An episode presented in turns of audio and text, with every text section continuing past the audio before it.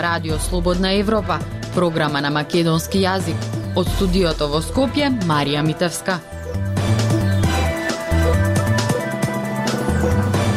Почитувани во вестите да ке слушате, антикорупцијска ќе отвори случај за доделениот грант на поранишниот функционер на СДСМ Рубинчо Заревски од страна на Фондот за иновации. Дополнителни Дополнетиот предлог буџет за 2022 година на дневен ред на 54-та собраниска седница.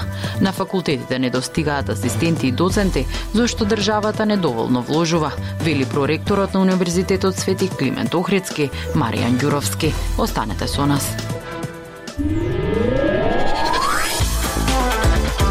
Независни вести и анализи за иднината на Македонија. На Радио Слободна Европа и слободнаевропа.мк. Фирмата на поранешниот функционер на СДСМ Рубинчо Заревски доби грант од Фондот за иновации, а антикорупцијска ке истражува дали имало злоупотреби при доделувањето. Од ВМРО ДПМН е обвинија дека фондот ги троши парите недомаќински. Од фондот велат дека се мониторира секое потрошено евро. Државната комисија за спречување на корупција ќе отвори предмет за евентуални злоупотреби при доделувањето на грант на фирмата Solar Group од страна на Фондот за иновации и технолошки развој, велат од институцијата за Радио Слободна Европа. Фирмата е во собственост на поранишниот функционер на СДСМ Рубинчо Заревски, кој беше директор на Фондот за здравство во владата на Владо Бучковски. Заревски во 2012 година беше осуден на две години условна казна за злоупотреба на службената положба и овластување. Фирмата Назаревски аплицирала на повекот стартапува и 3 со проектот Фарма Аналитика. Вкупниот буџет на проектот изнесува околу 44.000 евра. Од собствено финансирање фирмата ќе вложи околу 6.000 евра, а останатите 38.000 ќе бидат обезбедени од Фондот за иновации. Во описот на проектот се наведува дека има за цел креирање на паниновативен паметен пребарувач и дигитална платформа со која ќе се одговори на аналитичките потреби на фармацевските и здравствените компании во Северна Македонија со висок потенцијал да се прошири на земјите од регионот. Фондот за иновации работи полошо од било кога. Ги троши парите недомаќински полошо од било кога и од било која институција на СДСМ. Најголем дел од проектите кои се поддржуваат се проекти кои се залудно потрошени пари од страна на овој фонд за иновации, пари на граѓаните. Реагираше портпаролот на ВМРО ДПМН Димче Арсовски. Тој информираше и дека грантот кој е доделен за рецепт за пица Пинса Романа во вредност од околу 40.000 евра е проект поддржан од човек познат како Миле Милановиќ и според него најголем промотор на премиерот Зоран Заев и дел од предходното раководство на СДСМ во Струмица. Од Фондот за иновации возвратија дека е жално што опозицијата наместо да ги мотивира младите да отворат успешни стартапи и да ги реализира своите соништа, како што наведува во сообштението, вметнува политика во сфера која е комплетно ослободена од политички влијанија. Фондот е единствената институција во државата кој го мониторира секое евро инвестирано во секоја компанија. Процесот на мониторинг го водат дури пет интернационални компании. Како што повеќе пати сме информирале, никој од вработените не учествува во процесот на селекција на компаниите кои ќе добијат финансиски средства, соопштиот фондот. Не е прв пат фондот да додели грант на фирми блиски до јавни функционери. Грантови предходно добија фирми на поранишниот вице-премиер Кочо Андјушев и поранишниот пратеник на СДСМ Хари Локвенец. Потоа фирма на снаата на тогашната советничка за култура на премиерот Заев Цветанка Ласкова, како и фирма во кој малцински собственик беше Мерита Адеми, член на потесното семејство на Асаф Адеми, кој тогаш беше министер за култура. Основното јавно обвинителство за гонење на организиран криминал и корупција по тогашните објави во медиумите за евентуални злоупотреби при доделување на грантови оформи предмет под допрен глас. Од обвинителството не одговорија до каде е истрагата за случајот и дали покренале постапка за грантот на фирмата Назаревски. Слободна Европа. Следете на на Facebook, Twitter и YouTube. Расправата по дополнетиот предлог буџет кој ги содржи прифатените амандмани треба да трае 5 дена. Сите пратинички групи во парламентот се согласни дека буџетот треба да се донесе пред крајот на годината. Дури најавите за формирање на нова влада како што велат нема да го променат ставот дека буџетот треба да се донесе. Марија Тумановска. По подолго време пауза на парламентот и откако се формираше ново парламентарно мнозинство, пратениците повторно се вратија во собраниската сала. Дополнителниот предлог на буџетот за следната година е една од точките кои се најдоа на дневниот ред на 54-та собраниска седница, на која се расправа и за продолжување на кризната состојба што ја одобруваат пратениците поради мигрантската, ковид и енергетската криза.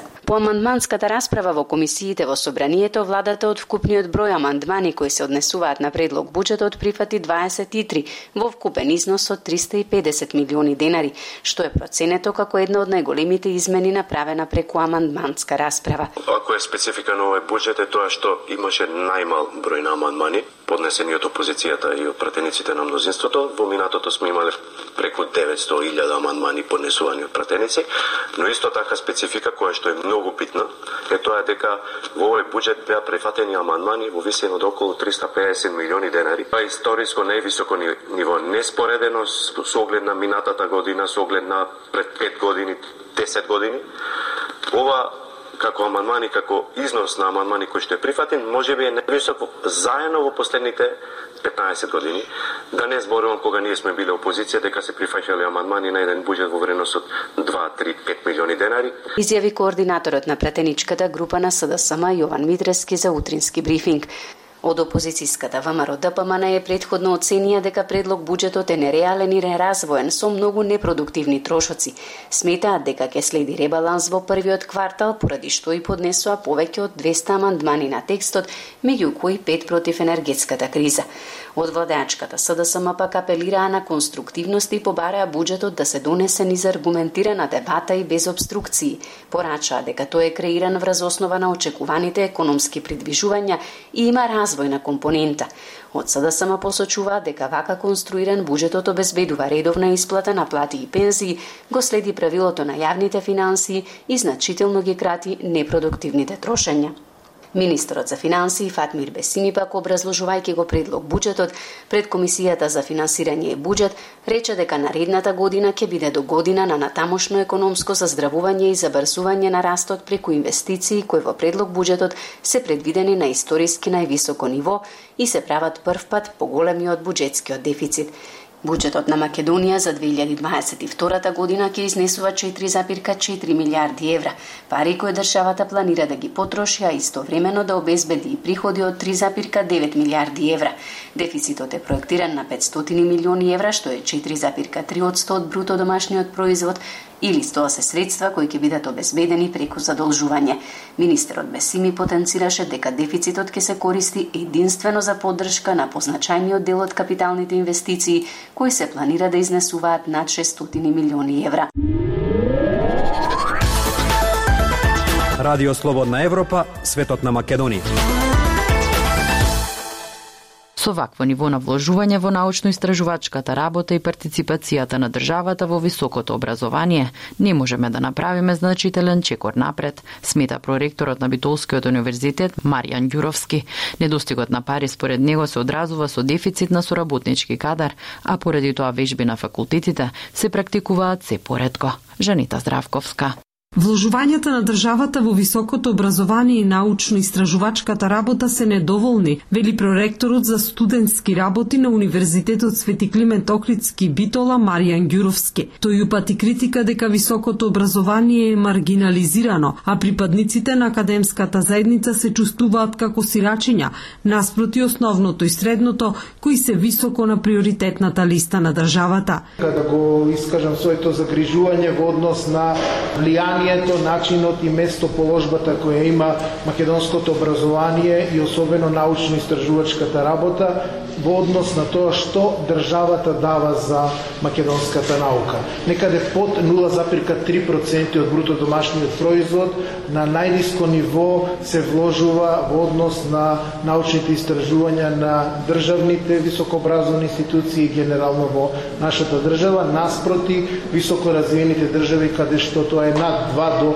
4 проценти. Со вакво ниво на вложување во научно-истражувачката работа и партиципацијата на државата во развојот на високото образование не можеме да направиме значителен напреден чекор и од тука сметам дека и отворено треба да продискутираме каква наука и каков концепт на високо образование ни е потребен на нашата држава. Рече Гюровски, Недостигот на пари се одразува со дефицит на соработнички кадар, а поради тоа вежби на факултетите се поредко се одвиваат. Во услови кога сериозен е недостатокот на асистенти и доценти на сите скоро државни универзитети, вклучително и на Битолскиот универзитет. Прво, скоро и на нашите факултети да не се реализираат вежби во наставниот процес, затоа што немаме ниту помлади асистенти, асистенти докторанти, а од тука и ревивниот развој во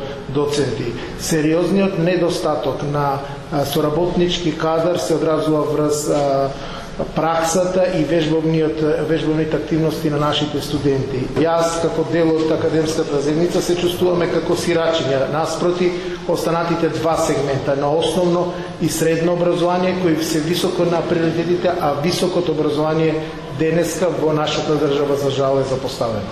Додаде проректорот Парите што ги добиваат од студентите, факултетите мора да ги вложуваат во научно-истражувачката работа или пак да ги обезбедат преку проекти од ЕУ и НАТО. Се повеќе се наметнува парадигмата во која високото образование се става во контекст на нешто што би представувало приватно добро, приватен интерес и на крај приватна одговорност, а не јавно добро.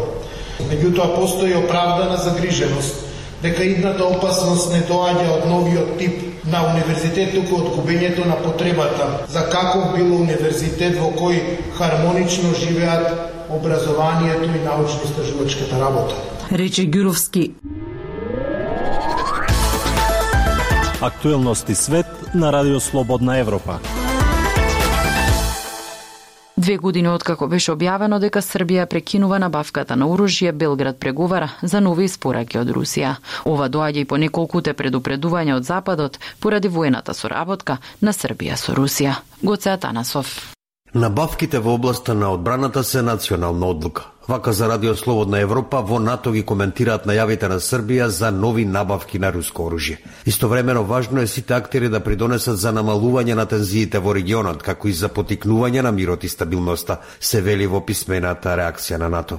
Од Алијансата додава дека Србија и НАТО се блиски партнери и дека годинава се одбележа 15 години од членството на Србија во партнерството за мир. Како што повеќе пати нагласија официјални лица, Србија е воено неутрална земја која не претендира да стане членка на НАТО. Српскиот председател Александар Вучич по средбата со рускиот председател Владимир Путин на 25 ноември изјави дека наскоро од Русија ќе пристигне нова воена опрема. Тоа се корнети, односно лансирни рампи за корнети и ракети за противтенковски действија. Тоа е од исклучителна важност, рече председателот на Србија. Драган Шормас, пратеник од владеачката Српска напредна партија, предводена од Александар Вучич, изјави дека Србија не треба да соработува со Русија на полето на одбраната и безбедноста, имајќи ја предвид незината стратешка определба за влез во Европската Унија. Мораме да подготвиме земјата за тоа членство, затоа не ни е потребна партнерска соработка со Русија, вели Шормас, кој е шеф на делегацијата на собранието на Србија во парламентарното собрание на НАТО. Најавата за купување дополнително оружје од Русија доаѓа две години откако Вучич изјави дека Србија ќе престане да купува оружје. Ќе одиме на дополнителни реформи на нашата армија, рече Вучич на 3 декември 2019 година во пресрет на неговото патување во Русија каде што се сретна со Путин. Во меѓувреме се зголемија средствата на Србија за набавка на ново оружје, па според Balkan Security Network, специализиран портал за одбрана и безбедност годинава буџетот за одбрана за прв пат ја надмина границата од милиарда евра. Во предходните три години армијата на Србија од Русија купи 5 хеликоптери Ми-17, борбени хеликоптери Ми-35 и ракетен систем за противвоздушна одбрана Панцир. За тоа време од Ербас од Европа се купени 5 хеликоптери. Во текот на јули лани, Србија меѓу другото купи од Кина шест нови беспилотни летала, а потоа и систем за противтенковска одбрана. Тоа беше се во вистите на Радио Слободна Европа. Од студиото во Скопје со вас беа Марија Митевска и Дејан Балаловски. До слушање.